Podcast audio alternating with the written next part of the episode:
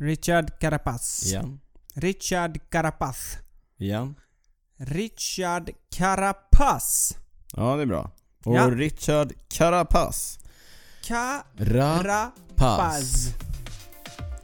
Från Ecuador.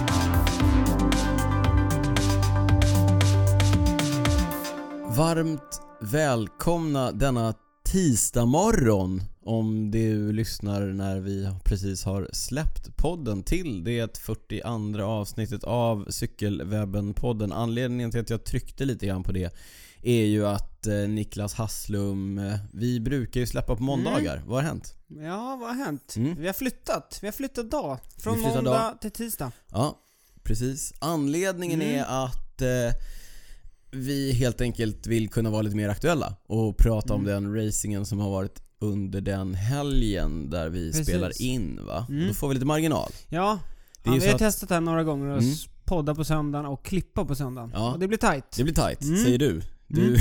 lägger stort Ja. arbete vid klippandet. Ja, Ja, nej, den som klipper är ju jag, Mm. Daniel Rytz, som står på... jag står för eh, lite annat. Ja, du står för annat. Jag står på andra sidan bordet. Mm. Det är alltså jag, Daniel Rytz och Niklas Hasslum som är Cykelwebben-podden. Det här är avsnitt 42. Det är 13 färre 13, 55 ja. Just än, eh, hela, än antalet hela kilometrar som Viktor Kampenarts körde när han tog Rider tim-!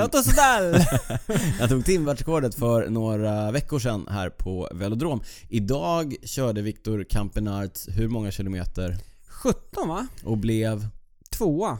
i den, på den sista etappen 21. på den 21 etappen på årets Giro d'Italia 100 andra upplagan är som... Du avbryter mig mycket här idag känner jag. Tänkte att du var inne på siffrorna Ja, jag här. förstår. Ja, ja. Mm, 102 Jag tror det. Ja.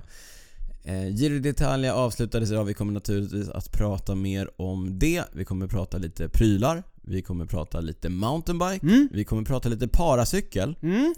Vi kommer prata lite gravel, Dirty Kanza. Just det. Mm. Garmin Dirty Cancer. Men innan vi gör det. Vad har du gjort sen sist Niklas? Eh, jag har varit i Göteborg bland annat. Mhm. Mm. Hur kommer det sig? Jag var där på jobb. Ja. Mm. Fick eh, tid och träna lite också. Väldigt, jag körde mountainbike. ja. Väldigt eh, fina leder. Var körde ni? Bland annat körde vi Ängsbergen tror jag det. Änggårdsbergen. Tror jag förlåt. ordet är du söker. Ja, ja, ja. Mm. Väldigt fint. Ja. Otroligt kuperat. Mm. Vi har inte så kuperat här i Stockholm. Nej. Men eh, där var, det var tuffa backar. Mm. Roligt. Eh, det var någon som var snabb på min Strava och kommenterade att nu är du på rätt sida. Kände du att det var rätt sida? Mm, ja men det var fint. Mm. Det var väldigt. Både mountainbikesidan och västkusten. Mm. Mm. Ja du menar så? Mm. Ja nej jag tror... Den onda eh, sidan, den eh, goda sidan. Jag tror följaren menade liksom västkusten. Ja, jag förstår. Mm. Vi, vi bytte av varandra. Jag var ju på västkusten helgen innan. Ja men det är fint där nere. Ja, Eh, lite annan terräng. lite annat. Kul. Mm. Eh, men eh, ja, så att, eh, lite träningsmässigt har det väl blivit lite lidande när man är iväg på jobb sådär. Ja, men nu är du Det- tillbaka. Ja, nu är jag tillbaka. Ja. Jag börjar springa igen också. Så att nästa avsnitt, kära lyssnare, Nästa- så nej, vet nej, ni det att brukar alltid ta några avsnitt. två avsnitt så kommer Niklas berätta om det att gubbvad. gubbvaden är tillbaka. Ja. Ja, Nej men jag, jag sa det till, till någon att jag ska börja köra prehab. ja just det. Jag ska börja köra mina tåhävningar nu. Ja, För jag har kommit på att för att liksom kunna hålla en hyfsad nivå, Ja. alltså rent träningsmässigt, det är Mm. svårt att få ihop Mm. tiden liksom och, Mm. och kunna cykla. och alla springa och... Ja. Nej men precis, så då måste jag lägga in cyklingen. Eller Ja. löpningen. Mm. För att liksom, ja, för ja, ja. jag får inte in cykel varje dag. Nej. Så då måste jag löpa också. Fast din chef, han brukar skicka bilder på dig till mig varje dag. Vi känner ju varandra. Mm. När du Inte sitter, varje dag. När du, nej, inte riktigt varje dag då. När du sitter i, på jobbet i träningskläder. Ja, men vi försöker träna några... Gärna bara cykelbyxor framför datorn. Så att ni, ni kära lyssnare som kanske är kunder till Niklas där han jobbar på Canyon. Ni kan ju se det framför er om ni ringer honom till exempel. Han sitter där i cykelbyxor och bara överkropp. Men eh, det jag vill säga här, det är viktigt... Oseriöst? Nej, det är viktigt att veta vad man pratar om. Jaha. Så Ja, därför så. testar jag Ja, ja, liksom Mm. eh, grejerna på luncherna. Du håller ju hårt på den här friskvårdstimmen. Precis. Ja, det är bra. precis, Mm. precis. Men som sagt, nu har jag börjat springa lite också för att komplement, eh, för ett komplement till Komplettera. cykeln. Ja. Så vi får se hur lång tid det tar innan jag blir skadad.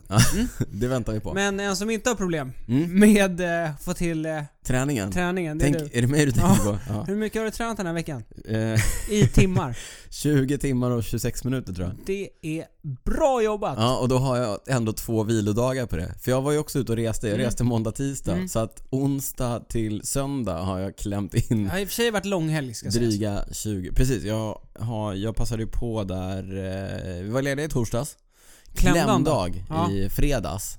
Och sen lördag, söndag. Avslutade det här distansblocket då Mm. med eh, genrep med eh, Skoda Cycling Team Just idag. Mm. Vi brände av, eh, jag fick ihop 19 mil ungefär. Ja. Mm.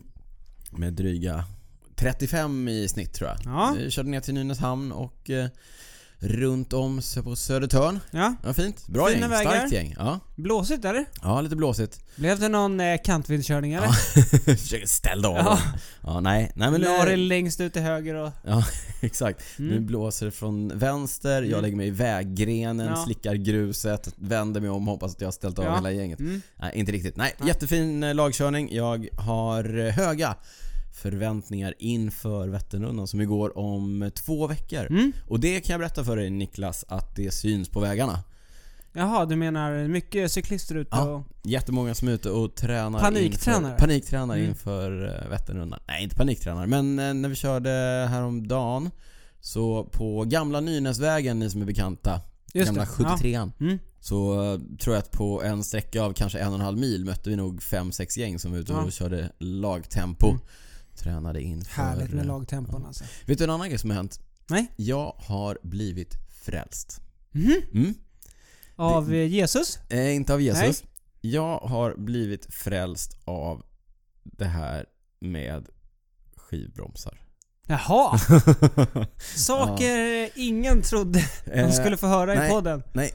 Nej. Eh, jag, jag säger så här, det har fortfarande sina för och nackdelar.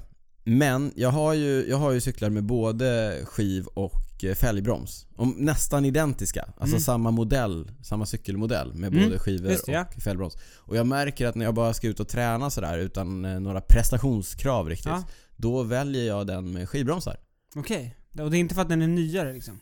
Den är, den är okej, den, är, den är nyare så Mm. den har lite mindre kanske skavanker. Ja. Kanske knakar lite mindre Mm, och sådär. Ja, Men framförallt så tycker jag att det känns tryggare i trafiken. det gör det. Mm. Mindre, i, alltså så här, den, den egentliga bromsverkan är kanske ungefär densamma. ma- Men Mm. det krävs mycket mindre muskelkraft. Ja. Du behöver inte bromsa lika nej. hårt Nej, nej. för att bromsa lika hårt. Nej. Och det tycker jag är rätt eh, bekvämt och behagligt. Mm. Och sen så låter det, det låter inte lika mycket när, det, när man bromsar Nej. och i regn och sådär.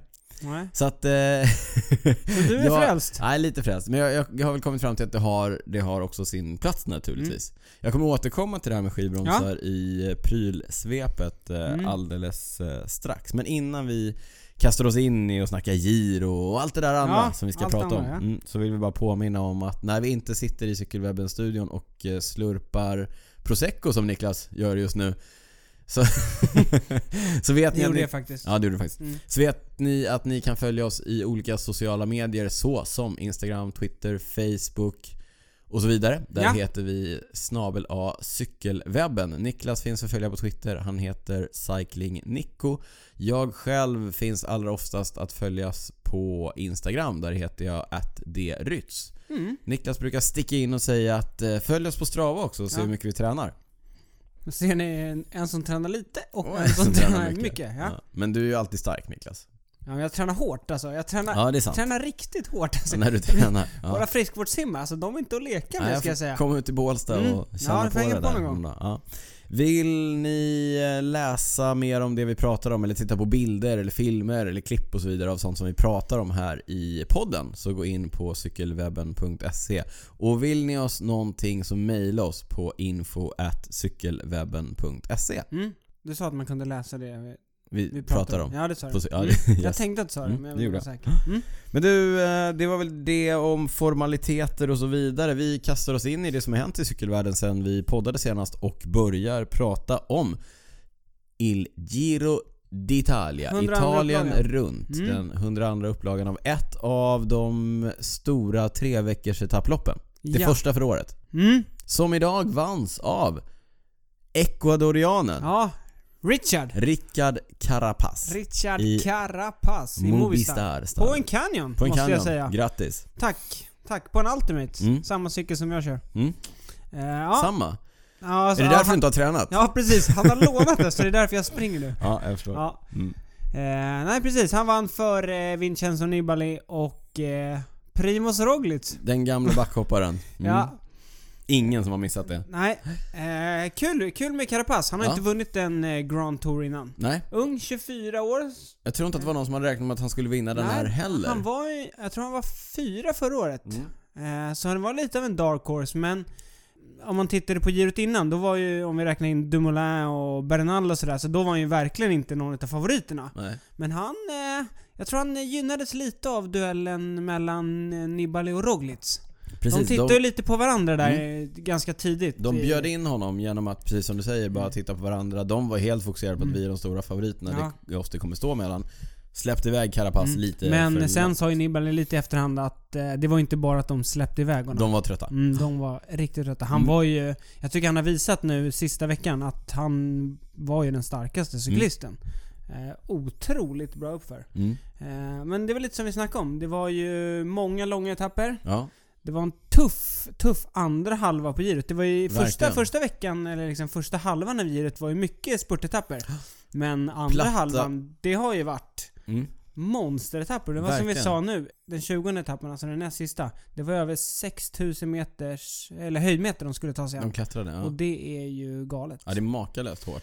Men du sa här att första halvan var, var ganska lätt och det var mycket Mm. spurtetapper och det blir ju intressant för de som kör för sammandraget. Mm. Därför att de har ju som enda uppgift att bara ta sig i mål de etapperna egentligen oskadda. Ja. Och då, det hände någonting ganska intressant där. Därför att först var det ju, det var ju ett inledande tempolopp och sen så var det en Mm. vecka med ganska enkla etapper och Ja. sen så var det ett andra tempolopp och där dök liksom de första tidsskillnaderna upp egentligen Ja. mellan de stora favoriterna. Simon Yates till exempel som vi hade Mm. som stor favorit eh, innan. Ja, han hade- försvann helt och hållet. han hade det tufft. Han slutade för sig topp 10, men Ja. ja. ja, vi hade högre förväntningar på honom. Men det var flera andra av eh, toppcyklisterna som, som lite grann försvann där och hade Mm. det tufft på det, på det andra tempoloppet som Mm. man inte trodde. Jag har hört en intressant teori om det här. Okej. Första, veckan, höra. första veckan var så lätt Mhm. att de tappade form. Jaha, du Alltså menar de satt bara de i hade klungan. pikat för tidigt liksom? Nej, de satt bara i klungan och tränade inte. Nähä, okej. Utan du vet så här, de bara transporterade sig. Okej. Hörde Bauke Mollema, Mm. eh, Trek Segafredos eh, eh, sammandragscyklist. Ja, som Han- för övrigt kom femma. Sjukt. Sjukt. Eh, alla Subeldia som man brukar Mm. säga. ja. Eh, Haimar Subeldia, Ja. också en gammal Trek-cyklist. Ja. Eh, som ofta var topp 5, topp 10 på, Som man typ som man aldrig såg. Nej. Han bara han smög in där. Ja. Hur som helst, Bauke Mollema Mm. sa i en intervju att på en av de här spurtetapperna hade han alltså en snittpuls under 100.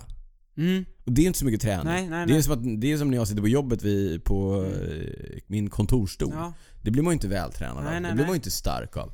Också Bauke Mollema tror jag att det var, som jag hörde, att han stannade och lättade på trycket lite grann. Och istället för att då bli boxerad upp Ja, eller gå upp några på lagkom- liksom. kompisar Mm. så körde han ikapp klungan själv över en stigning för att få igång motorn lite grann. Okej. Ändå lite risky. Lite risky men du vet, han, man vet att han behöver lite Mm, hårdkörning ja. inför de här hårdetapperna så gör han det på det sättet. Jag tycker att det är en rätt spännande eh, teori Mm. och jag tycker liksom också att det, är, det visar ju mycket på att det här eh, girot var extremt baktungt. Ja, eh, första väldigt, veckan var, var superlätt och sen så kom allt på en gång liksom. Men eh, nu när vi pratar om Mollema. Det, jag tycker det är så sjukt när man tittar nu på resultatraden. Ja. Han är femma. Mm. Han har inte attackerat en enda gång. Han har gjort Alltså, någonting. han, nej, alltså man har ju knappt tänkt Nej. på honom. Han så här, har suttit med liksom. Mm. Krigat sig med. I- Knappt inte ens i första gruppen. Nej. Utan alltid i så andra gruppen. Men, men eh, håller en hög eh, och jämn nivå. De Eh, andra, ska vi gå bränna igenom de andra tröjorna? Alltså de andra Mm. tävlingarna i, i tävlingen. Den vita tröjan gick till Eh, Superman. Superman Lopez. Ja, Superman Miguel Angel Lopez. Lopez. Som... ja, vi måste... Ja. Vi kan ta det direkt. Dra historien på en gång. Eh, det var ju... Det var den etappen vi pratade om nu. Igår. Ja, 6000 meters... Näst sista etappen. Ja. Eh, de körde hårt Astana. Han Ja. attackerade ju med 10 mil kvar först och de, ja, de var sugna på etappsegern. Men sen eh, i sista stigningen, Mm. då blev ju han omkullsprungen Av av ett en... entusiastiskt fan. Överentusiastiskt fan. Mm, Ja. Överentusiastiskt fan. Och eh, han vurpade och han var ju fly förbannad. Fly förbannad. Mm. Och började veva. Han slog lite mot... Fanet. Ja, Ja. och sen den sista smällen, då liksom... För, eh, fanet hade ju en kepa. Han drog av kepsen på Ja, honom. så han Ja, lyckades in i slå till vägen. på skärmen så den flög iväg. Ja, Ja. ja det, jag tyckte... Nej, det ska man inte göra. Det var ska man inte snyggt. göra. Det, det är inte snyggt, men eh, jag måste ändå säga att det är fullt förståeligt. Mm. Alltså sluta springa med sig. Slu- Ja, ja det kan vi... Det, vi såg det det- i, det var det Tour of Colombia, när någon sprang omkring, eh, var det Quintan? Sprang nej, det var väl Bernal och, so, och Ja, Sosa? och Sosa, just det, i, i Mm. Tour of Colombia. Alltså de här grejerna börjar hända Mm. och igen så här, det är inte så att Superman Lopez kommer till näst sista etappen och bara ah, en etapp. Mm. Han har ju krigat i år för, Ja. att, för att komma hit. Liksom. Han har ju skickat upp sina hjälprytter och all, alltså allt hela, Ja, ja. även på den dagen. Så att, Ja men exakt, i det stora och i det lilla, Ja. de, har gjort, de har gjort enorma uppoffringar Ja. för att vara där de är. Och så kommer en blir ärta. dagen ja, Mm. förstörd. ja, Men du, jag måste, bara, eh, jag måste bara flika in här för jag fick idag veta av Pierre Moncourget den duktiga spurtaren i Ja. Stockholm CK som Mm. också kör i Skoda Cycling Team. ja, Han berättade för mig vad eh, Superman Lopez eh, smeknamn kommer ifrån. okej, låt Ja. höra.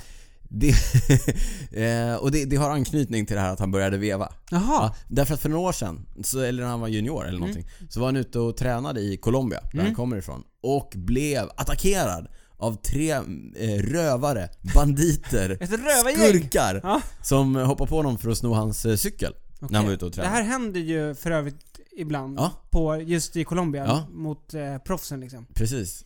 Eh, han vägrade ge dem cykeln. Och No. he wouldn't give up without a fight Nej. liksom. Ja. Ja.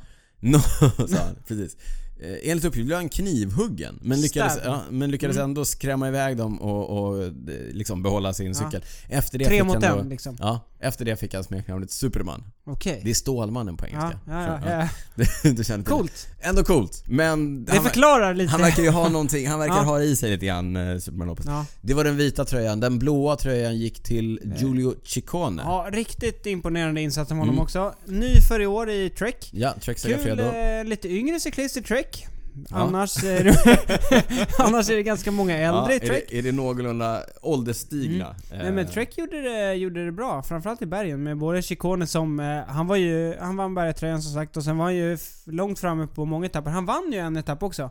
Han blev så glad så han kastade glasögonen ut i publiken. När han Just gick det. över mållinjen.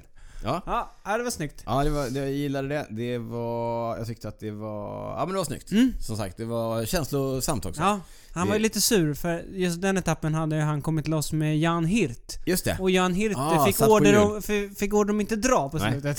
Ciccone var fly förbannad. Han, skulle, han skulle prata med deras teambil också. ja, eh, Men jag tycker att det där är ju en del av spelet. Det, alltså, man kan tycka vad man vill. Det är först över linjen som gäller. ja, jag vet. Och Hirt måste ju spela sina kort rätt och det visade ju sig också på slutet att Ciccone var betydligt Ja. starkare. Så att, Mm. liksom... Men sen hjälpte Hirt till, det ska sägas, för att han, han spelade lite på att han åkte och väntade på Superman. Mm, ja. Eh, Men, men samtidigt förstår man ju, de har varit i en lång utbrytning, Ciccone kom, de kommer ner på platten, de hade kört utför, kom ner på platten och så var det väl typ 15 km kvar till mål eller Mm. något sånt där. Och han insåg, vadå ska jag dra Hela hela, vägen? vägen? Alltså det finns inte en chans Nej. att jag kommer ta etappsegern. Så man förstod ju också att Ciccone var arg. ja, verkligen. Men, eh, ja. Ja, Men som sagt, det är en del av... eh, det är en del av sporten. en del av sporten. Maglia Ciclamina. Ja! Den, den lila spurttröjan. Och här kommer vi till en, en episk fail har jag Oj. skrivit här i... eh, Oj, stora ord Niklas. Ja, en episk fail av FDG. mm. De hade ju... Tobias Ludvigssons stall Mm. för övrigt, ja. Nu ska vi se vilken etapp det var. Det var, eh, det var väl... Var det 17 eller 18? Sista Mm. spurtetappen. Mm. De hade ju tröjan. Ja. Arnaud Demar. Det var den 18 etappen. Mm. Mm. De hade tröjan. Mm. Eh, lång utbrytning gick iväg. Eh, det var ju de här... Uh, jag kommer inte ihåg. Chima. Det var den etappen. Damiano Chi-. Damiano Chima. Som för övrigt vann det här priset eh, mest eh, kilometer utbrytning. Ja, just det. Han hade ju över så här 100 mil eller vad Ja. Eh, men så de, de var ju de var tre i utbrytningen. Ja. Och det var ju i stort sett den sista etappen som spurterna kunde ta poäng på. Precis. Så FDJ, trots att det var en spurtetapp, så hjälpte de inte till. De ville inte hjälpa till att dra för att liksom Bora, för att Ackerman då låg tvåa Det var ju i... en fight Ja. mellan Bora och FDJ och de tänkte att om inte, Om inte de Bora hämtar tar in några det poäng liksom, nej, så, precis, så då har vi tröjan. Ja. Mm. Eh, men Bora gjorde det bra, de fick hjälp av några andra lag och så. Eh, och det var ju sjukt tight så här. Det var, De hämtade in jättemycket på slutet. Mm. Men som är typ 5 km kvar, när man insåg att så det här kommer bli på håret. Mm. Då går ju FDJ upp och hjälper kör. till och kör. Vad gör ni? Ja, och då tänker de att så här, okej, det här är ändå ett bra läge. Liksom, vi har inte bränt några hjälpryttare under hela dagen och så här. Det här kan bli ett riktigt bra uppdrag. Mm. Men problemet är ju att de failar ju totalt i uppdraget. Mm. Så Demar blir sjua. Ja, inga Eh, poäng. Damian, han tar bara så här, Något några poäng, få. ja. Damian och Shima håller undan, men Ackerman blir tvåa, blir Mm. fly förbannad för att han får stryk med en, två meter. Men kommer sen på att han tar ju tillräckligt många poäng för att ta över eh, lila poängtröjan. Ja. Så att han vinner ju poängtröjan. Eh, så att eh, just när, när Ja. eh, FTC går fram, Det är lite så här Ah! när, när det taktiska spelet går snett Ja. och fel. Det, var, Mm. det fick vi se av FDJ där. Du, du lite grann nämner i en parentes eller en bisats om det här med Damiano Chima som vann etappen. mm, Det var alltså den 18 etappen, det var tre man i utbrytning hela Ja. dagen. Två av dem blev vi fattkörda av klungan i den här spurten och den tredje, Damiano Chima, mm, vinner en etapp i ett stort eh, etapplopp i Giro d'Italia. Låt mig, du pratade innan om resultatrader Mm. och, och Bauke Mollema. Låt mig nu dra Damiano Chimas eh, resultatrad på alla etapper ja, på årets Giro d'Italia. Är du med? mm, Jag börjar från den första. ja, 168, 140, 142, 159, 131, 158, 127, 156, 132, 103, 159, 151, 134, 120, 132, toppnotering 96, 126 och på den 18 etappen 1. 19 etappen 129, 20 etappen 113 och den sista etappen, tempoloppet idag 125. ja. Två gånger lyckades Damiano 100. vara topp 100 under årets Giro d'Italia och en av de gångerna så vann han alltså gjorde en etapp. Mm. Mm. Han var ju, han var ju många utbrytningar alltså. Han ja, men krigade det, på. Det är, det är, jag tycker det är, det är fantastiskt. Mm. Vilken historia. Ja. Mm. Eh, Men en, eh, en liten snackis har ju varit att det har varit otroligt många utbrytningar som hållit undan. Eh, Mm. Och det kan man ju spekulera i lite vad det är. Det här, nu är det ju bara åtta man. Kan det vara en av anledningarna? Mm. Eh, Men sen är det, det blir alltid så här favoriterna. Det, är- jag tycker det är kul när favoriterna faktiskt gör upp om etappsegrarna. Det, det, är kul, det är kul ibland med någon Mm. etapp här och där där eh, utbrytningen gör upp om det. Och det är kul för liksom, sådana cyklister, typ som Shima då, Mm. som faktiskt går Får utbrytning chansen, och ja. får någon chans här och där. Men eh, ja, det är väl bara kolla sista veckan. Det var ju nästan bara utbrytningar som gjorde upp om det. Mm. Så ja, det var lite, lite tråkigt. Sen förstår jag, Movistar, de vill ju inte jaga in eh, liksom, och riskera att någon av de andra favoriterna tar bonussekunder. Nej. Så då lämnar de Ja, det- över det till de andra och då kanske finns- de andra det- känner ja. att så här, ah, ska vi köra fast Carapaz är den starkaste? Ah. Det är olika saker, massa olika saker som spelar in i det. Jag gillar ju när utbrytningen håller. Jag Mm. är ju lite av en eh, utbrytningscyklist. Jag gillar ju det själv. Du och Thomas de Gent.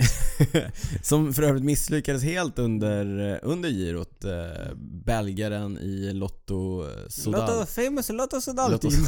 Han ska köra... Eh, Han ska, Han ska köra, köra alla tre torer. Han kanske sparar Mm, lite. Sparas lite grann. Men, eh, nej men som sagt, mycket utbrytningar som håller, mycket smålag som sitter i utbrytningarna och jag tycker att det är, det är en konst i sig att Mm. hamna i rätt utbrytning och att orka hålla. En gång så vet jag ju, jag tror att det var den där 18 etappen som Chima vann, att, att utbrytarna lurade klungan lite grann. Mm. De satt och höll ett tempo som... Och som sen när det var pissstopp. Ja, Ja. så gasade de på Ja. och ökade lite och så fick eh, klungan lite av en, eh, en överraskning. Men det här är en högst personlig åsikt. Låt höra. Men jag tycker att det är just sådana etapper, lite platta och sådär, då är det rätt kul. Men de riktigt tunga bergsetapperna, Ja, där vill man då, se då vill man favoriterna. se favoriterna göra upp i sista klättringen, tycker jag. Det är en personlig åsikt som jag delar. Mm. Mm. Eh, var det något mer vi skulle snacka om? Jo, Roglic, eh, eh, Roglic tidsstraff är lite ja. kul. Eh. Han blev ju, det var också på den eh, näst sista etappen, Mm. eh, några slovenska fans som eh, ville hjälpa honom. Eller nu vet vi Nu inte. utgår du från att ja, jag utgår slovenska. från att det var Mm. slovenska fans. Med tanke på att de bara hjälpte honom. Men det Ja. de gjorde var ju i en... Knuffa utav- på honom. Ja, sprang med honom och det var ju inte i fem meter utan Nej. det var väl typ i hundra. Mm. Och det sjuka var när den ena lämnade... Så lämnade han över till den andra. lämnade över till den andra.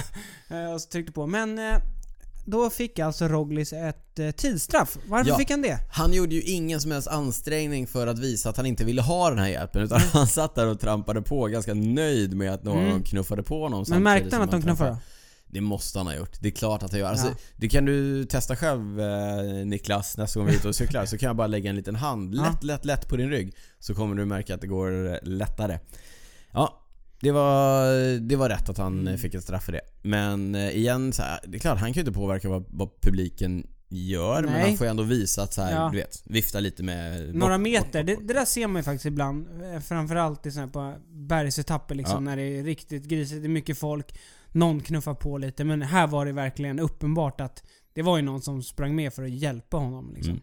Du, eh, Carapaz kör ju i Movistar på en Mm. Canyon som du sa och var glad över. Men kan det vara så att han nästa år kommer köra på en italiensk cykel Ja, istället? det ryktas lite om att eh, Team Ineos, Mm. alltså gamla, Gamla Sky. ja, är och rycker honom. Och det vore ju riktigt tråkigt. Inte för eh, Carapaz fickor. Nej, nej, De absolut skulle fyllas av Mm. pund. Kan vi utgå Ja, ja, men lite så. Eh, Ja. Men, Ja. men och det... Ja, vi får väl se vad som Vi får händer. se vad som händer. Men ryktet säger Ryktet att eh, säger Team att- Ineos eh, rycker i honom ganska De, eh, ordentligt. de brukar rycka i unga och lovande cyklister som är duktiga. Exakt, på samma sätt som Trek rycker i eh, gamla cyklister som har varit duktiga. Men nu kanske de faktiskt eh, lyckas bra här. Ryktet säger ju att eh, Vincenzo Mm. Nibali kommer att gå dit. Och Nibali tycker jag såg bättre ut än han gjort på många år. men frågan är ändå om han har en... Nu saknades Bernal, Dumoulin, Yates var inte i superform. Har han verkligen en... En Grand, Grand Tour? Tour till i sig. Ah, vette tusan om han har det alltså. Jag tror inte heller att han har det. Nej. Vi, men, är, vi är överens även vi är överens en gång till. Men den som lever får se. Nästa är Tour de France som avgörs i juli i sommar. Vi går vidare Niklas. Ja.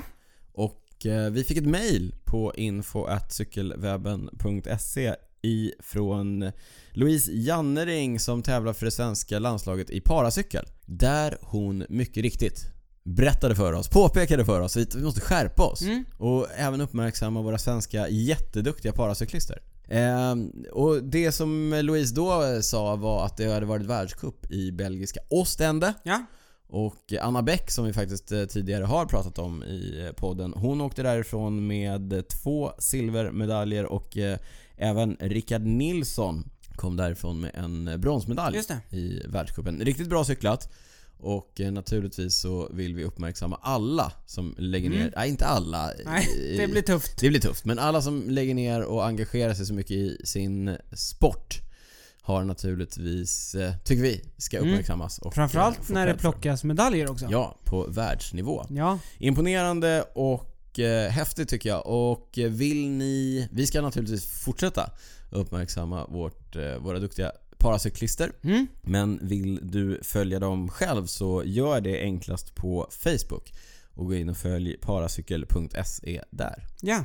Gravel racing. Ja, gravel racing. Inne nu? Ingen som har mejlat oss om det. Nej, ingen som har mejlat oss om det, men, Men- det är inne nu. Det är inne nu och Vi har bidragit till att det är inne eftersom vi utsåg gravelbiken också till Årets Cykel 2018. Ja, precis. Mm. Ett, av de, en, ett av de största eventen har ju gått av stapeln nu i helgen i Kansas. Mm. Dirty Kansas. Alltså USA. Ja, 200 miles. Du räknade på det här Ja. innan. Hur långt var det då?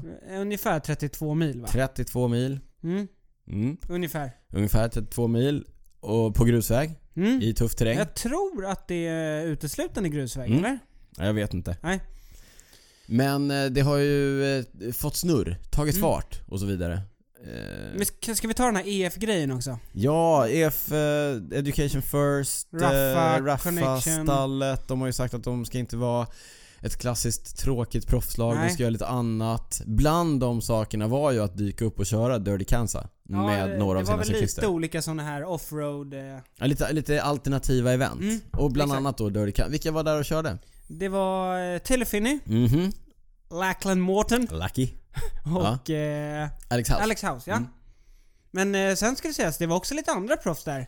Ja. Peter Stettina och Ted King tror jag. Ja, Ja, före eh, detta proffs. Ja, före detta proffs. Mm. Eh, ja men som sagt, EF var där och eh, vi såg ju lite bilder. ja. De, Ja, de- skulle ju också... ja, Det är gravel, gravel är ju, det är ju sin egen grej va? Gravel är tydligen... När jag kör gravel, Ja. då kör jag i liksom vanliga Cykelkläder. cykelkläder, Mm. liksom. När EF kör gravel, Ja. då gör de det i cykelbyxor och t-shirtar. ja, men också lite kortare cykelbyxor, Ja. eller? Ja, Ja, det kändes... det är någon typ av hipstergrej. Ja. Ja. Det var lite konstiga Men de har ju bilder. också tryckt upp t-shirtar då med Fast- samma motiv. Så- Alltså de ser ju ut som, Ja. som deras teamtröjor. Ja. Men de är t-shirtar, de är inte cykeltröjor. Mm. Men, men nu kan vi kanske vända oss till våra lyssnare också. Har vi missat något här i själva liksom gravels, den stilen man ska ha när Ja. man kör gravel liksom? Det är inte omöjligt. Nej, för vi har inte kört så många gravel-event Nej, så. det måste vi Så det börja kan ju vara så att Det vi kan har vara missat något här. Ja. Men, men Vi lägger upp en bild. vi lägger upp Låter en bild, er för det kommentera. såg väldigt konstigt ut. Ja, men det var ju hippt. Men de vann ju inte. Jag tänkte ju så här: okej nu kommer, nu, du vet, nu kommer World Tour proffs och kör såna här amatörevents Mm. och du vet, sandbaggar. Alltså kommer dit och, och bara ska vinna allting. De vann ju inte. Men också, när, vi har ju kollat resultatlistan här. Mm. Och man förstår ju att det har varit en sjukt tuff tävling. Ja, För eh, vinnare i eh, herrklassen, ja. Colin Strickland, Mm. vann på tiden 9 timmar och 58 minuter. Ja, nästan 10 timmar. Ja, eh, så följdes han av eh, då Peter Stettina, Alex House och Lackland Morton. Så Mm. de var ändå med där framme, men jag tror de var typ en kvart efter. Mm. Så det är sköna tidsavstånd. Eh, damklassen vanns av Amity Rockwell från San Francisco. Ja, 11 timmar 59 minuter. nästan 12 minuter. Ja, Eller 12 Alison timmar. eh, Mm. Tetrick och Sarah Max var två och tre. Också de på 12 timmar drygt. Så att Ja. eh, det verkar ha varit ett rätt tufft eh, event. Hur gick det för Taylor Finney? Ja, han, var, han var långt efter va? Han Mm. var ju typ 198 på så här, körde på 14 timmar eller något sånt där. Han var väl tvungen att stanna och måla en tavla eller något. ja, hans, Nej, hans, hans tränings- träningsfilosofi. Han hade inte riktigt, han hade inte, han hade Han inte... visualiserat Nej, han hade inte visualiserat att köra Nej, på 10 nej. timmar. Han hade visualiserat att köra på 14. Då blev det 14. Mm. Nej men eh, vi kan också lägga upp, eh, Lackland Morton la upp ett Instagram-inlägg. Han, han skrev någonting att eh, I went places I've never been before. Alltså, då menar- Bildligt talat. Ja, ja, inte Kansas. Nej, nej, okej. utan liksom Ja, han gick djupt. Me and Alex House, eh, we, we don't need to talk. Och du vet så här. Det, det, var, ja, det verkar vara riktigt episkt. Ja, härligt. Vi började prata med, om landsväg. Mm. Eh, och sen så pratade vi nu om gravel. Mm. Och sen nästa steg det är ju mountainbike. Just det. Hängde du med på min, Mm, eh, ja, min övergång ja. här? Det har ju körts eh, världscup i eh, mountainbike. I Novi Mesto. Mm. Och ur svenskt perspektiv så är väl det mest intressanta i det att Jenny Rissveds, vår eh, regerande olympiska mästarinna Mm. va, i eh, grenen, Från Rio.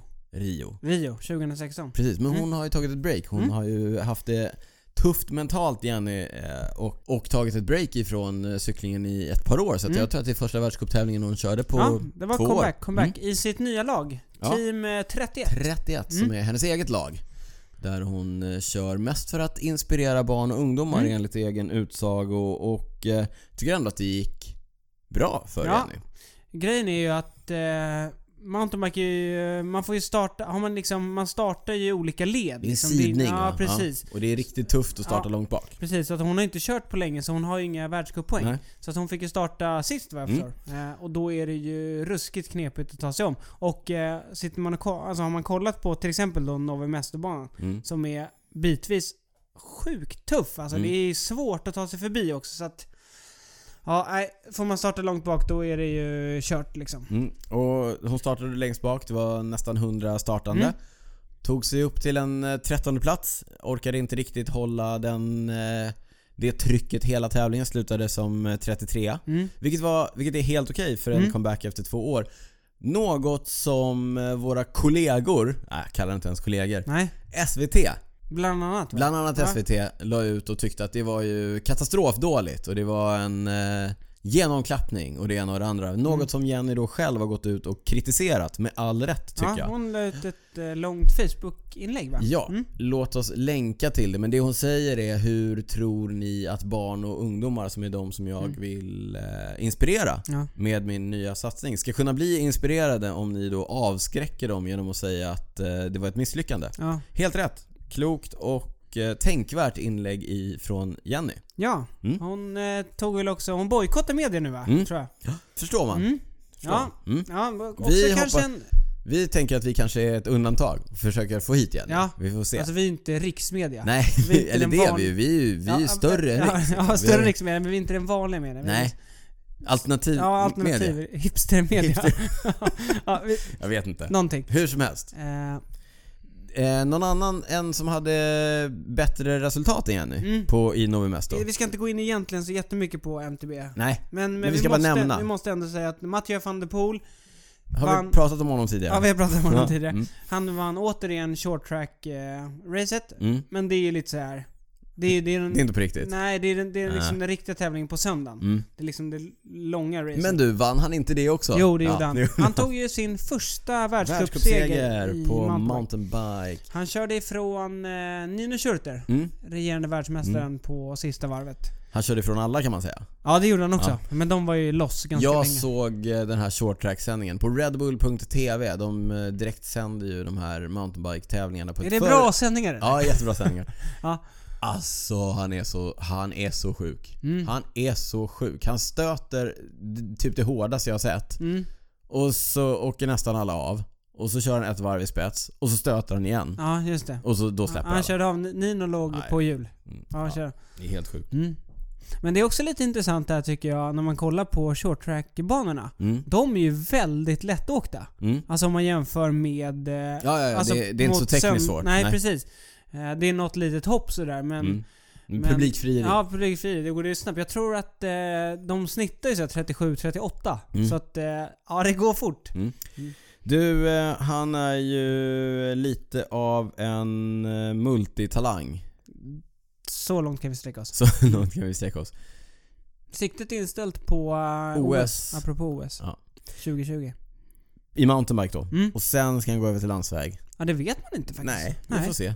Vi får se. Han Ah. verkar tycka att allt är kul. Och Ja. han kan också vara, eh, apropå det här du sa, i form eh, på girot, du vet om inte första Mm. veckan. Så han verkar vara i form. Hela Mm. tiden. Ja, hela Han tiden. har haft en lång, hela vintern har han kört cykelcross och varit i toppform. Och sen Mm. så körde han vårklassikerna, vann Amstel Gold Race, Mm. ett av de största racen. Och nu vinner han världscup Mm. på mountainbike. Helt sjukt. Ja, Även på hemmaplan har det tävlats i mountainbike och vi nämner bara lite kort eh, långloppen ja som det har blivit kört. en liten grej här att vi Mm. nämner vinnarna i långloppscupen. Igen det här, man, ska ju, man måste ju uppmärksamma de cyklisterna som lägger ner mycket tid och själ och så vidare Mm. i det.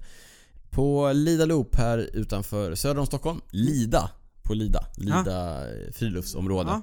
Så drog Jenny Stenerhag och Mattias Wengan Wengelin de längsta stråna och Jenny drog även det längsta strået på Långa Lugnet som Ja. kördes idag. Det när är vi långt. spelar in och eh, Emil Lindgren Vän till podden Hoppas att Mm. han dyker upp här i studion eh, snart, Emil. Vi får Mm.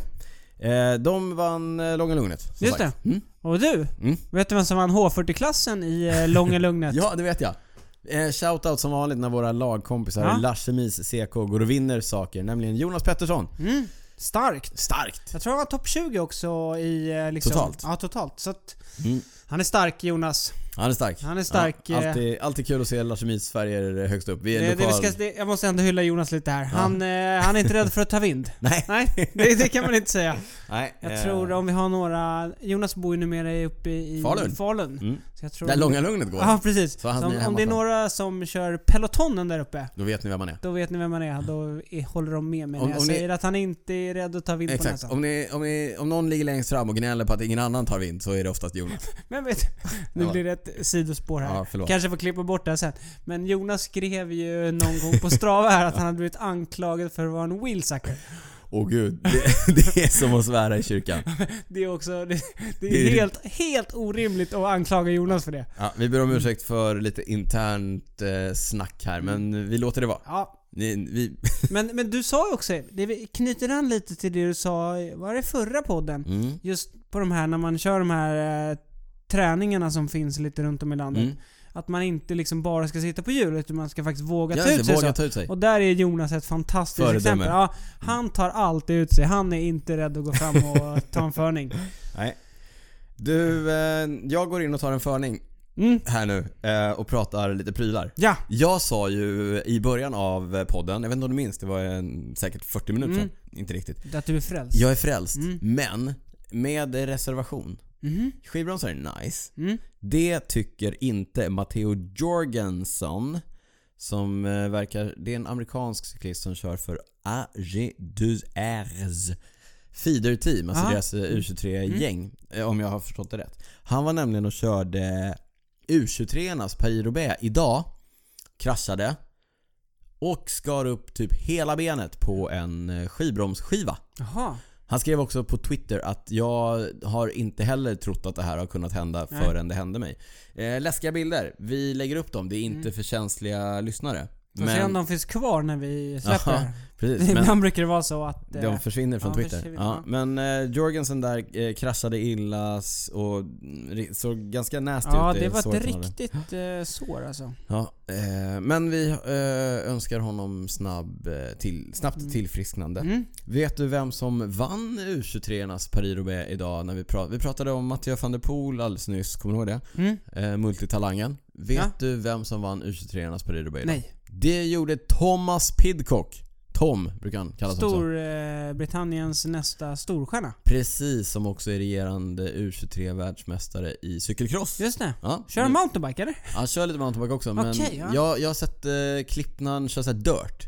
Aha. Hoppar och Ja, trixar. och, dirt track. ja. eh, Ja. Ja, duktig Tom Pidcock. Liten kille, men eh, lyckas ändå då vinna Paris-Roubaix Mm. som... Eh, ja, ni vet hur Paris-Roubaix cyklister brukar se ut. Mm, Mm. Tom Pidcock, Ja. håll ögonen öppna. Kan bli något av honom. Vet du vem som också har vunnit Paris-Roubaix för U23 två gånger? Taylor Finney. ja. Det var, undrar vilken eh, träningsfilosofi han körde på den tiden. på den tiden, det vet jag inte. Nej. Då var han ung och lovande. Mm. Shimano pratade om dem förra gången också. De släppte ju en gravelgrupp förra gången. De verkar inte ha legat på latsidan Nej. den här våren. Eller ja, jag kan gissa att de har lite längre ledtider Mm. än så. Men i veckan så släppte Shimano inte en utan två nya mountainbike-grupper, nämligen XT och SLX. Deras eh, två, Två och trea kan två man och säga. tre, precis. XT är deras eh, toppgrupp. Mm. Men nu dyker XT upp och det är precis som vanligt. De lånar saker av storebror. Ja, Mer eller mindre. XT lite mer, XLS, lite, SLX lite mindre. då kan vi bara, för de som inte har koll, SLX är motsvarande 105. Eftersom vi är lite... Ja, vi är lite landsvägs... Ja, vi är lite eh, precis. landsvägs, Alltså det är eh, Ultegra fokus. och 105 kanske. Mm. XT Ultegra, ja. SLX 105. XTR dörrar. Durace. Ja. Durra. Mm. ja, som vi säger i branschen. Ja. Eh, största nyheten är att det är 12-delat. Mm. Eh, största nyheten är att även på de här nivåerna nu finns det som vi kallar för one by, det vill säga utan framväxel, bara Mm. en klinga fram. Vilket betyder att du behöver en betydligt större kassett bak, eller en större range bak. Kassetterna går från 10 till 45 eller 10 till 51. Det De går ner på får 10 en, nu alltså Mm. också. Ja. får en riktigt bred utväxling men eh, ändå inte jättestora hack eftersom du då har 12 klingor där bak Mm. så att det inte blir jättestort Nej. mellan, mellan varje. Ska inte gå in eh, jättemycket i detalj Nej. vad de eh, innebär. Kan länka till det på cykelwebben.se men, men jag gillar ju fortfarande vikt. Det kanske är lite gammaldags men, men det jag Du läste gillar låg vikt menar du? Låg vikt, Ja. exakt. Det jag Mm. läste mig till var att XDR är ju den lättaste gruppen. Den är Ja. ju, det är ju givet. Ja, Också precis. svindyrast. Ja. Den är jättedyr. Den eh, XD-gruppen är 365 gram tyngre än XDR. Ja, Och SLX i sin tur är 148 gram tyngre än XT. så nästan ett halvt kilo då. Tot, ja, gentemot, Alltså eh, SLX jämfört med XTR. upp Ja. Ja, Mm. det, är ändå, det är ändå mycket, men igen så här, jag, jag tror ju, om jag bara får gissa, Mm. att SLX är mest prylar för pengarna. Förmodligen. Per vikt är det ju det. Eh, Mm. Ja det blir det ju. Men eh, prisprestanda naturligtvis. Har du, eh, har du inga ekonomiska begränsningar? Kör XDR. Har du det? Eh, kanske SLX eller XDR. Mm. Eh, Ja, man ska inte ta lån och grejer för nej, nej, nej, nej, det tycker, tycker jag inte att man behöver göra. Nej. Eller om man, om man vill det så varsågoda. Eller spara. Jag jobbar, ju- jag jobbar med sparande Ja. på, en, på en bank. Jag uppmanar Mm. folk att spara istället. Spara Ja. långsiktigt. Så kan du köpa XDR om, Mm. om några år. Om börsen går bra. Eh, Om man vill ha en grupp som är 348 gram, eller vad sa du? 365 365 gram lät det, ja, ja. Ett gram per dag på Mm. året, om det inte är skottår. Mm. Inte nog med att man har släppt nya växelgrupper till mountainbike. Nej? Man har också släppt ett par nya skor som är specifika för, kan du gissa? Gravel. det var rätt Niklas. Ja. Ja. Det var det? Det var rätt. De, eh, Shimano har eh, ju alltid varit duktiga på skor. Ja. Och mm, nu har de alltså släppt ett par dojor som är gravel-specifika. Gravel-specifika undrar du, är, kör man inte bara På vanliga... allvar så undrar jag, vad innebär gravel specifikt? Kör man inte bara vanliga mountainbike-skor? Jag, Undrar du? ja, jag, så återigen, Mm? vi, här, jag kör ju landsvägsskor när jag kör Ja, ja, gravel. Mm. Jag, jag känner att, återigen, vi måste fråga lyssnarna, vad är det som gäller på gravel? Alltså, Men det är ska ju... man ha t-shirt? Ska man ha mountainbike Men jag tänker att det om man, man ändå vill gå lite grann, eller det är lite hikerbike och sådär kan det behövas. Då, då kan det alltså vara jag bra. tänker mer såhär gravel rally liksom. Alltså Ja, ja. rallyrunda. Man Ja. bara gasar Precis. i skogen. Men Ja. du tänker mer så här adventure. Ja, exakt. Packväskor på, Ja, men så här lite så. Ja, men du kanske behöver gå lite grann. Det är Ja. jätteroligt att gå Nej, med då, sina då håller jag med. Då är dyra kolfibersulor Nej, nej, nej, nej på absolut grusväg. inte. Nej. Nej, det håller jag med. Hur som helst, eh, poängen här är ju att med ett par mountainbike-skor, mountainbike kör ju, det är lerigt och skitigt och Mm. ibland kanske behöver springa upp för någon slänt och så Ja. här. Då är det bra att ha metalldobbar längst fram. längst fram. Ja. De fästena har man ju tagit bort. Mm, Och sen har man gjort, det är lite tunnare material, lite mindre hälkappa. okej. Därför att du behöver inte ha en riktigt lika Nej, nej, bulkig eh, sko. För att på mountainbike behöver du kanske också skydda foten lite grann. Mm. Det behöver du inte göra riktigt på samma sätt här. Så man har tagit bort lite grejer, man har tagit bort ett boaspänne Mm. kontra toppmodellen på mountainbike och eh, då har man kunnat fila bort 60 till 65 gram beroende på storlek. Det låter som något Nej, eh, för eh, cykelcrosstävlingen när det är lite bättre väder. Ja, det kan det nog vara. Tjäna Mm. 65 Tja. gram där. Det är inte så dåligt. Ja, hur som helst. Shimano RX8 ser eh, rätt nice ut. RX. Och vad hette eh, gravelgruppen? GRX? GRX. Ja. Mm. Mm. Så att, eh, ja, de... Eh, Spännande. På det. Shimano. Spännande. Mm. På tal om skor Niklas. Mm. Bontrager, du vet Treks tillbehörsmärke. De, jag har sett en bild på en ny landsvägssko ifrån Bontrager som jag tyckte såg riktigt, riktigt läcker ut. Jaha. Sen jag skulle gå in och kolla på den, då var den borta. Jaha. Ja, så att det är någon som kanske har lagt, eller jag vet precis vem det var. Det var en eh, Trek återförsäljare i Singapore som, Missade. som la upp eh, på sin Instagram en Mm. bild på ett par dojor och sen så fick de väl eh, smäll på fingrarna Mm. av Trek. Ja. Som sa att den här är inte officiell än. Nej. Ni måste ta bort den. Det är kul när det där händer. Mm. Det händer lite titt som tätt. Men jag tror att jag har en bild liggandes i arkivet som jag kan lägga upp på cykelwebben.se. Se om vi får smäll på fingrarna av Ja. Trek. Oh. Mm. Spännande, spännande. Ja, ny XXX-modell, alltså deras XXX eh, toppvärstingmodell. Den eh, nuvarande har ju varit ute i handeln, vad är det, två eller tre år. Så det Okej. är ju dags för en ny. Jag gissar att den dyker upp eh, till Tour de France. Tour. Om inte annat. Skor i all ära. Mm. Elektronik. Jag har av Garmin fått låna en ny 830 heter den. Just det, deras nya. Du, vi missade faktiskt det i förra avsnittet därför att de släppte precis när vi spelade in. Mm. Garmin släppte två nya, stora nyheter för oss eh, som gillar att cykla med cykeldatorer. Nämligen Edge 530 och Edge 830. Mm. Och jag har som sagt fått låna Edge 830. Det är en modell i eh, mellanklassen. Alltså är- storleksmässigt. Storleksmässigt. De har ju 1000-modellerna som är som en, det är som en 40, 40 tums TV Ja. ungefär. I, I storlek. De är jätte, jättestora. Ja. Mm. Och sen har de 520-modellen som jag har kört eh, tidigare. Mm. Som är betydligt mindre. Ja. Sen har de den här mellanmodellen. Ja. 8, 830 och 530. Skillnaden de två emellan är att 830 har touchskärm och 530 har det inte. Utan den styr man med knappar på Mm. sidan. Ah, den, jag har lagt ut, jag la ut en story på vår Instagram och sa att jag kommer eh, nu att testa 830 Vad vill ni veta? Just det. Utan tvekan det som folk är mest nyfikna på är huruvida touchskärmen funkar som den ska eller inte. Därför att Har det varit problem, ja, vadå? föregångaren till den här 820 Ja. där var touchskärmen lite hit and miss. Den funkade kanske inte riktigt så bra Okej. som, som ja. den borde. Ja, ja. Jag har nu testat 830 i lite olika förhållanden och kan konstatera att i torrt väder Mm. så funkar touchskärmen jätte, jättebra. Den är påtagligt rappare än de jag har testat innan. Alltså bättre respons i, Ja, i trycker touchen. liksom. Mm. Däremot så körde jag ett pass inomhus på min trainer och då svettades jag ganska mycket. Mm. Och när det, Det- droppar ner svett på displayen Ja. så tolkar den det som att man trycker på den. Så att då sitter Jaha, den reagerar på det? Mm, så jag sitter och kör och kör och kör och så vill jag kolla ner så vill jag veta hur många watt trycker jag just i detta nu egentligen. Och då, då är det något helt annat på skärmen för att jag har droppat svett på. Då lackar du. Nej, ja lite grann. Men det finns en smidig och enkel lösning på det här. Mm. Därför att med ett, det finns bara en knapp på 830. Mm. Med ett snabbt tryck på den knappen så låser du touchskärmen. Okej. Så att det kan då inte hända. Du låser touchskärmen så att du inte kan trycka på grejer. Mm. Men du kan fortfarande swipa. Alltså mellan de olika. Du kan ha olika sidor med Jaha, olika just, just, information. just. Ja, ja. Och det tycker jag faktiskt löser det problemet på ett alldeles... Det är ju en workaround. Mm. Men det löser problemet Ja. på ett eh, tillräckligt sätt. Mm. Så det, det tyckte jag var bra. Sen har den ju också, den har ju några nya intressanta funktioner. Det finns Ja. massor av nya intressanta funktioner.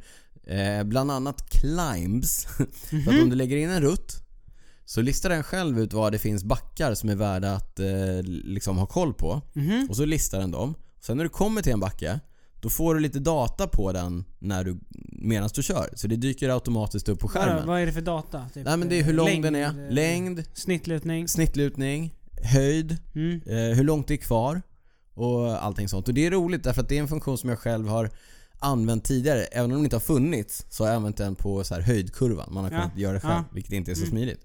Nu är det helt automatiskt och det händer utan att man behöver göra någonting egentligen utan att lägga in sin Mm. rutt. Eh, riktigt, riktigt bra. Någonting som är betydligt sämre och som är ett arv ifrån tidigare Garmin-modeller det är att eh, kopplingen till din mobiltelefon och därmed Garmin Connect online, Mm. alltså där du laddar Ja. upp dina rides eller hämtar dina rutter som du har skapat. Den är fortfarande jättedålig. Ja, det är eh, störigt. hit Till och med på min eh, klocka är Ja. den större. Eh, där måste faktiskt Garmin eh, skärpa till sig lite grann. Eh, det händer, du vet, du vet hur det är.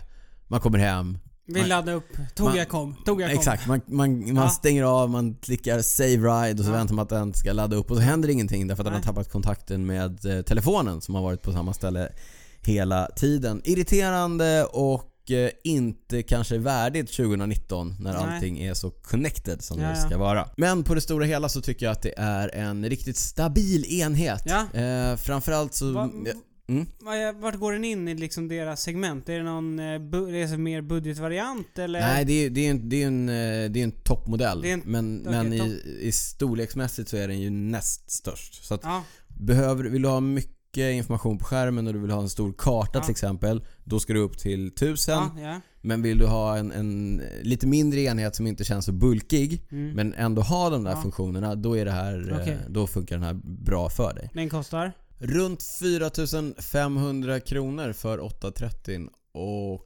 3500 för 530 tror jag och då är det nog bara datorn, inte bundle. Jag tänker fortsätta hårdtesta den här och återkommer i nästa avsnitt av Cykelwebben-podden med lite mer detaljer kring de nya Garmin-datorerna. Mm. Men, Ja, ja. ja. Mm, ja. Det initiala intrycket är gott. Jo, det måste jag säga också. Den största skillnaden som jag tycker att jag märker av Mm. det är ju att den, och det är många andra som har sagt också, den har en starkare processor. Vilket Mm. gör att när du tittar på en karta till exempel så är det mycket, mycket lättare att Ja, eh, navigera. navigera Ja, runt precis. och scrolla eller panorera Ja. i kartan och zooma i kartan och, och få ut informationen. På de gamla enheterna så har ju det varit lite grann av en pain. Det har inte ja funkat du vet bra. att jag har ju en cykeldator. Jag har Mm. en Garmin 500. Ja, Kartversionen på den, inte helt optimal. men det roliga är att man kan ju faktiskt, den har ingen karta, men, du kan lägga in en rutt. Ja, man kan, så man ser liksom när Ja, det svänger. Det är alltså. bara ett streck. Ja. Du ser ju bara ett streck Men på det är jättebra bankskärm. typ när jag är på landet. Ja. När det finns typ så här en korsning var, var tredje mil. Men om man kör i stan, då är det helt omöjligt. Ja. Ja. roligt. Det är en relik, Garmin Mm. Edge eh, 500. Det var väl typ en av de första de eh, kom ut med. Jag har också en sån liggandes i en låda Men jag kör ju inte ens med Nej, c- cykeldator. Jag kör med min löparklocka. klockan. Mm, där ser man. Ja. Oerhört intressant. Eh, Nej men eh, måste man ha cykeldata? Kan man, går det att cykla utan cykeldata? Jag tycker ju att om, har man möjlighet så tycker jag att en dedikerad cykeldator är smidigt. Därför att vill du kunna titta under tiden och du vill kunna få, få upp de där fälten så är det ju smidigt. Men det är klart att med en modern löparklocka Mm. med samma typer av funktioner så funkar det också jättebra. alltså. Ja, ja. Hur som helst. Det är kul med prylar. Jag säger som Nicke Terpstra. Jag har inte tid att sitta och kolla Känsla. på datorn hela tiden. Jag vill sitta och titta ut. Landskapet. Ja, landskapet. Och precis. Taylor Finney, jag, jag, har inte, jag har inte tid att titta på datorn. Jag måste titta in i min själ och visualisera vad jag ska bli bra på.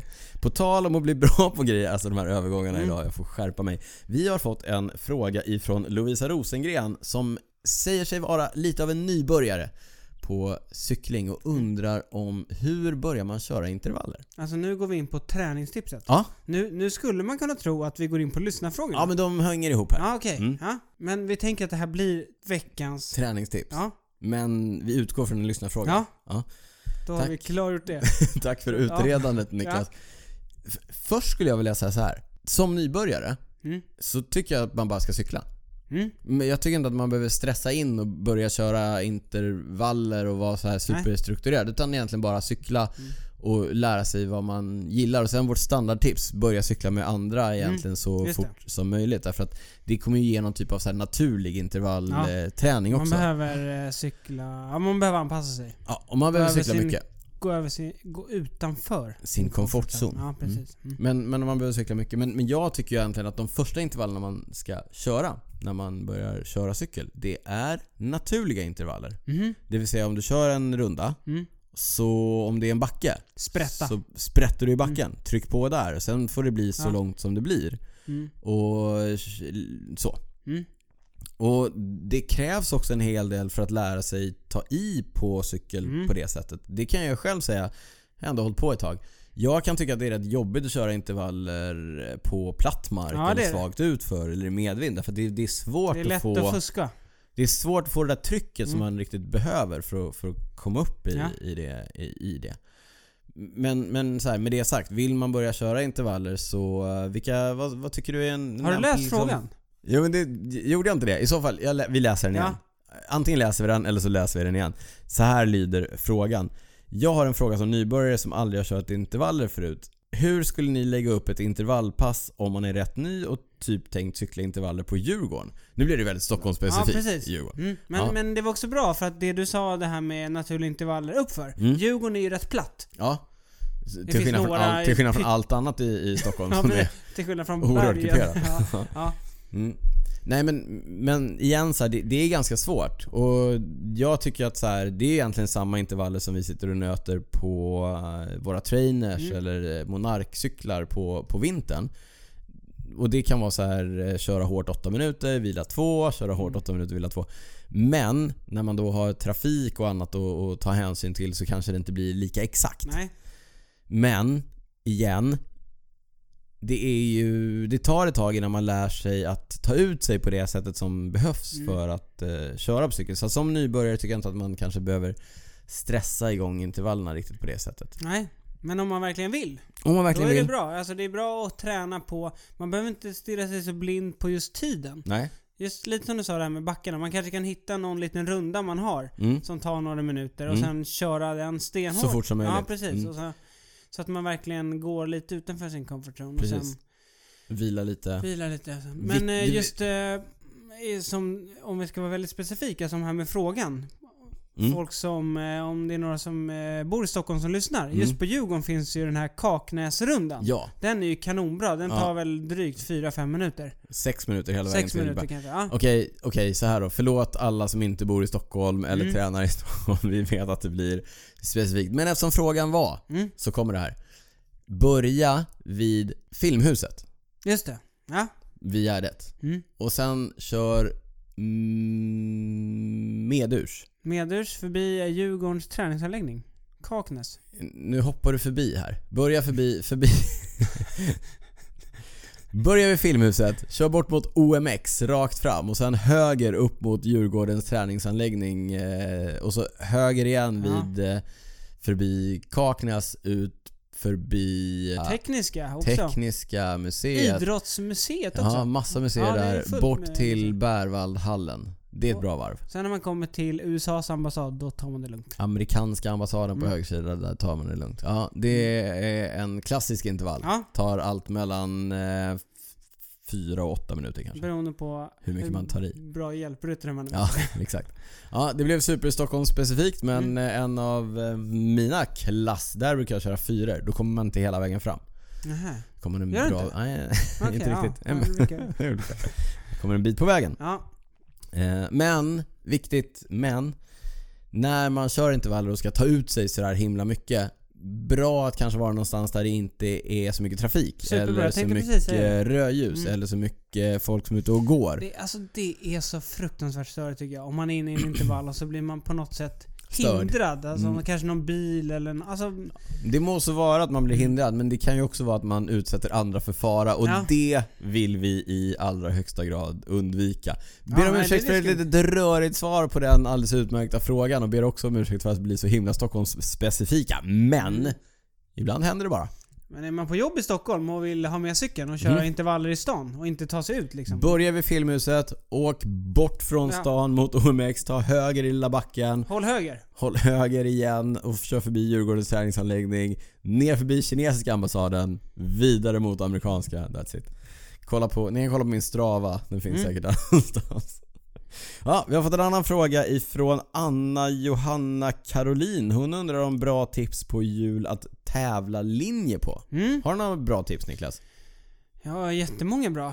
Mm. Eh, men jag tror jag pratade med en kund om det här i veckan. Alltså, det finns många bra hjul alltså. Mm. Det är, det är jättesvårt att Ja. säga något specifikt. Ja.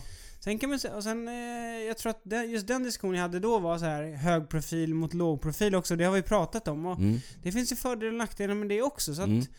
det är supersvårt. Ja, Men det- det... man kan säga är ju oftast man får ju lite för vad man betalar för. Verkligen. Liksom. Verkligen så. Betalar man lite mer då får man oftast bra hjul liksom. Fina hjul, ja. Mm. Jag kan väl säga så här att ska man bara ha ett par hjul, Mm. då skulle jag välja ett par låga aluminiumhjul som är ganska dyra. Mm. Typ Shimano Durace C24. Ja. Klassiska allroundhjul, jätte, jättefina hjul. Mm. De är ganska, det är dyra hjul för man tänker att det är ett Ja. par enkla aluminiumhjul. Men de funkar för det allra mesta. Kostar drygt 10 000. Drygt 10 000, väger under 1500 gram Mm. paret. Funkar Superbra. jättebra till allt. Så att vill man ha, vill ha ett par hjul så är det sådana. Mm. Och anledningen till att jag säger ett par hjul är för att vill du köra i dåligt väder, vill du köra i berg när du är ute och reser Då funkar de till allt. Jag tänker att köper man ett par höga, högprofilhjul i kolfiber Mm. Då funkar inte de när det blåser jättemycket. Då är inte det någonting man vill köra när det regnar Och kanske inte när det Slits är också mycket. backigt och bergigt. Ja, då slits det mycket. Men Mm. ska du ha två par hjul, ja då är det så. Mm. Men det, det är som du säger, det är en, det är en väldigt svår fråga att ge ett Ja. rakt svar på. Men också, men det tycker jag man kan vara lite bekväm med. Att just man får lite vad man betalar för. Betalar man mycket då får man liksom mång... Och man kan också gå på de kanske lite större märkena. Då Mm. vet man liksom vad man får. Och de större märkena, Shimano, Fulcrum, Kampa, Mavic. Eh, Har något annat? sa du Shimano? Jag sa Jag lyssnar inte på vad du säger. Jättekonstigt. ja, Ja, det var jag- några märken. Det var några märken. Jag kan säga att jag har köpt ett par Novatech här Just det, det har jag också. Jag kör i, cross på Novatech. i våras. Mm. Eh, väldigt nöjd med dem. Jag var för snål för att slå till på ett par Shimano C24. Körde Novatech istället. Mm. Nöjd med dem hittills. Ja, Men nu är jag ju skivfrälst va, så nu måste jag köpa nya hjul just det. överallt. Men då har man inte det här problemet att de slits lika mycket. Nej, det- När man bromsar på fälgen. Nej men liksom. precis, och det gamla klassiska problemet med eh, kolfiberfälgar och kanttråd som inte Mm. alltid har varit en jättebra Framförallt inte kombination. när det är blött ute. Nej. Mm, det är ju heller ett eh, problem som hör till historien Mm. eftersom eh, skivbromsar och så vidare. Så att, eh, Anna, Johanna, Carolina, du får höra av dig om ett år igen när, när jag har eh, sonderat hela skivbromshjulsmarknaden. Ja. Så kommer jag ha ett bättre svar. Nästa lyssnarfråga kommer ifrån Annette Malmqvist som undrar om tekniktips i uppförsbackar. Just det. Läs frågan för mig Niklas. Ja, i kortare backar hamnar jag ofta i situationen att jag tror att jag ska klara backen på stora klingan. Mm. Men sen har jag liksom växlat upp hela Mm. och får slut på växlar. Ja. Alltså Och- lättast eh, Ja, precis. stora stora. Stora, stora ja. Och då måste växla ner. Mm. Alltså växla ner fram. Mm. Pang. Ja. Börjar, Då spinner man bara. Ja, vevar. Ja, ja, ja. Mm. Eh, tappa Det- fart, tappa tempo. Hur ska man tänka? Det är den gamla klassiska frågan. Varför är det alltid så mycket backe kvar i slutet av växlarna? Mm. Sådär kanske. Sådär. Ja. Ja, jag förstod inte helt. Nej. Eh, jag, jag skulle säga så här, om, om du ofta hamnar i, i, det, i Mm. det läget, gå ner på lilla innan Ja. backen och så gå på... Alltså lilla, lilla. Ja, alltså, Alltså, lilla, neråt mot lilla bak. Ja exakt, Mm. men alltså gå ner på lilla klingan fram. Gå ner på Ja, lilla precis. klingan Ja. fram och en tyngre växel Ja. bak för då kommer du ha växlar Mm. så, att det, så att det räcker. Mm. Roligt att det är jag som svarar på den här frågan som aldrig har gått på en lättare växel än eh, Nej, du, du, men båda möjligt. vi gillar att stå upp i backar och Ja. gå på lite tyngre så att det är sällan vi hamnar... Alltså det ska vara väldigt brant för att vi ska gå ner på lillklingan så. Ja. Eh, men det där är ju också lite en eh, vanlig grej liksom, att Mm. man så lär sig... Få med sig farten Ja in precis, liksom, och få kanske ser att så här, man känner att så här, okej, man ser lite lutningen, man känner vilken fart man har, man känner eh, mjölksyrenivån i benen Ja, och så här. kommer jag klara det eller Ja inte? precis, och då är man kanske snabb och jag kan vara så här snabb och skicka ner några på kassetten bak Ja, och sen skicka ner fram liksom. ja just det. Så man hinner parera så att Mm. det inte blir bara pang på fram och sen Nej så, exakt. och så börjar man bara trampa vatten liksom. Mm. Eh, men jag skulle säga det att om, om du ofta hamnar i läget att du känner att växlarna tar slut i, i uppförsbackarna, även om du då Mm. Tror- Jag, jag gillar att du tror på dig själv här, Mm. och, om och om igen Ja. eh, Anette. Men, men, men eh, börja och kanske safea lite grann och gå ner på, på lilla innan. Men då är det svårt om det kommer attacker vet du. Ja, om man ligger på precis, ska- lillklingan, ska jag behöva skicka upp och stora. Ja men, men, men det ska också sägas att om du, om du kör på lilla klingan och är nere på 12an, 11an Ja. bak det är, det är fortfarande Ja, det är ganska sant, det är tungt. sant, Det, det finns att det räcker Mm. där också. Framförallt i backarna här i Stockholm. Ja. ja, men eh, en, en sak som jag tycker är intressant här Det är vad den elektroniska växlingen har gjort med det här. Mm. Därför att problemet som var innan med mekaniska, nu vet jag inte vad Anette har för växlar. Nej. Men, men det var ju att så här, du var låst. Gick du in i en backe på, på stora klingan, Mm. eller lilla, och ville byta, då var Ja. det mer eller mindre kört. Därför att den framväxeln ja, är ju så... Ja. Mm. Eh, eh, ska man säga, den, den var så enkel, den var så dålig Mm. att det inte riktigt gick att växla som man ville. Men Nej. med elektroniska växlar, då kan du ju i princip med fullt tryck på pedalerna växla både fram och bak. Mm. Kanske inte är att rekommendera i, eh, i det långa loppet, det sliter Nej. mycket på grejerna. Det. Men det funkar. Ja, det har, för mig så har de elektroniska växlarna ändrat väldigt mycket hur jag växlar, Mm. eh, framförallt med, med framväxeln. Just det. Var det allt eller eh, har vi något mer Niklas? Ja, vi fick in några, några sena frågor här. Jaså? Jonas Hedebäck. Ja. Vann rätt gubbegirot. Ja. Alltid, Kära pa- ja, alltid ja. den som vinner Ja, ja. nästan. Alltså det är svårt, efter tre veckor med så mycket, så många mil, Mm, då ska det rätt mycket till för att det ska vara fel gubbe. ja. Ja. Det beror för sig på vad man håller på. Ja, det är sant. Men, eh, Vi håller på den bästa. ja. Men det tycker jag är fint i, i cykelsporten generellt. Att det, alltså så här, man kan ha sina favoriter, Mm. men alla hejar på alla. Mm. Utom fransmännen som inte hejar på Froome. Men, men bortsett från det. Mm. Ja, har vi något mer? Ja, Joel Arvstrand Mm? undrar vad är det tråkigaste med cyklingar? Det måste ju vara vurpa, eller? Ja, usch. Ja, vurpa är tänka på tråkigt. På tal om det.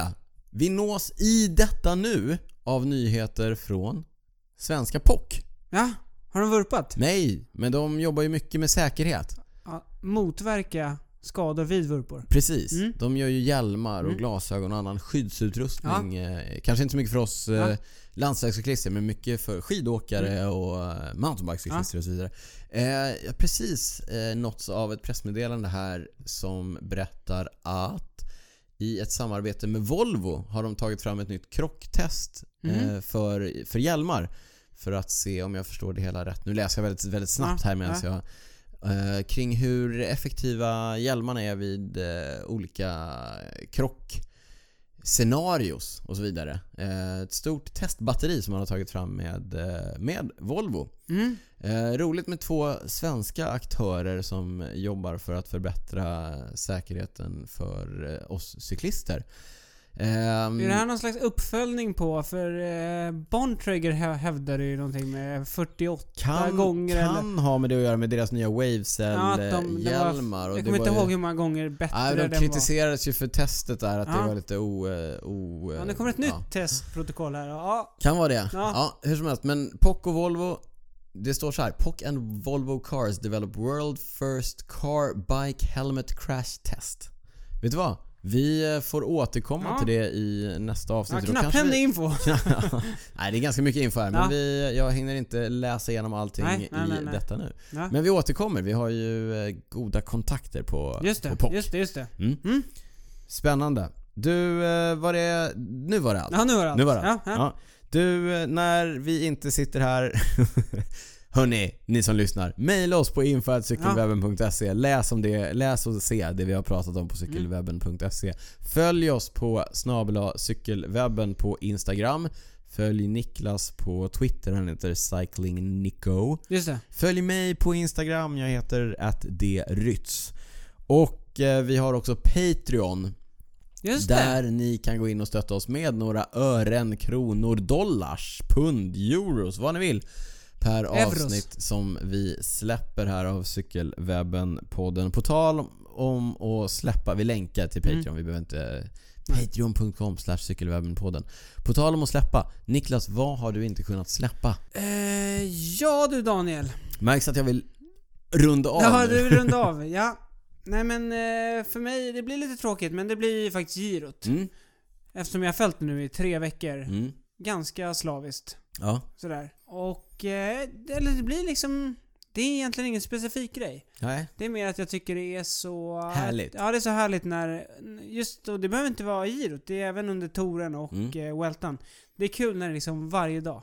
det händer mycket. Ja, det händer mycket. Ja. Och eh, sen är ju de här uh, bergsetapperna. Mm. Alltså, Du det, älskar det, är dem. få, det är få saker jag kan se fram emot så mycket som Ja. när det är liksom de stora, eh, tuffa bergsetapperna. Tycker att det levererade i år? Nej men det var lite det vi var inne på. Det var Mm. lite synd att inte de stora favoriterna gjorde upp om lite fler etappsegrar. Mm. Det brukar vara lite häftigare. Jag tycker precis tvärtom. Viva la fuga. Alltså, Mm. länge leve utbrytning. Ja, ja, ja. Säger du, Mm. utbrytarkungen. ja, nej men så det får bli girot för min del. Ja. Du då? Eh, också tråkigt men inte på samma sätt. Kommer du ihåg i vintras när vi blev utsatta för eh, lite otrevligheter i trafiken när vi var ett gäng som var ute och körde och vi höll på att bli prejade och nerkörda och Du hotade har lämnat och någon cliffhanger någon gång också. Ja, eh, det verkar som att åtal väcks i frågan. Mhm. Eh, får inte kommentera pågående utredningar och så vidare. Har inte du sagt eh, så en gång innan Jo, också? säkert. Ja, men fram, framsteget nu då är ju att det faktiskt har väckts åtal mot den här... Det eh, finns eller alltså tillräckligt med bevis liksom. Åklagaren Mm. gör bedömningen att det finns tillräcklig bevisning eller vad det nu är Ja. för att det ska kunna leda till en Ja. fällande dom. Just det. Så att... Eh, Baserat på ditt vittnesmål kanske? det vet jag inte, men Nej. jag vet inte mer än så här. Nej. Men eh, åtal kommer att väckas eller Okej. har väckts eller eh, Mm. vad det nu är så att det, det kommer att ske. Lagom till det, den informationen når oss så blev jag senast igår hotad till eh, livet när jag var ute och cyklade i Jaha. eh, trafiken på grund av en eh, stressad och irriterad bilförare. Händer hela en, tiden. Får jag bara får jag gissa? Mm. Var det en vit man i en SUV? Ja, det var det. Det var det? Det är klart att det var. Det var det? Ja, det är klart ja jag visste att det Mm. var det. Eh, ja, med Mm. barn i passagerarsätet och så vidare. Ja, Fräscht. fantastiskt. Ja, vi ska inte grotta ner oss mer i det. Vi får se om det blir en till Mm. polisanmälan. Kan det, kan det kanske bli. Eh, Du har ju flow nu så Ja, nu exakt. bara, kör. ja, nej, vi, vi hoppas bara på skärpning. Eh, Ta hand om varandra i trafiken. Var rädda där ute i trafiken. Man vet liksom inte vem det är som sitter bakom ratten på de Visa där SUVarna. hänsyn också. Visa hänsyn, Både var vi- snälla, two wrongs, no make a right och så vidare. Var, ja, sköt om er. Mm. Hörni, det var allt för det 42 avsnittet av Cykelwebben-podden som släpps på tisdag den här Alltså gången. idag. När ni lyssnar. Mm. Eh, om ni lyssnar när det precis är släppt. Och så vidare. Hör av er om ni tycker, vad ni tycker om att vi numera släpper på tisdagar. Hoppas att ni gillade avsnittet och vi hörs snart. Vi Ja. rullar jingeln och säger Puss och kram. Ciao ciao! Hej då!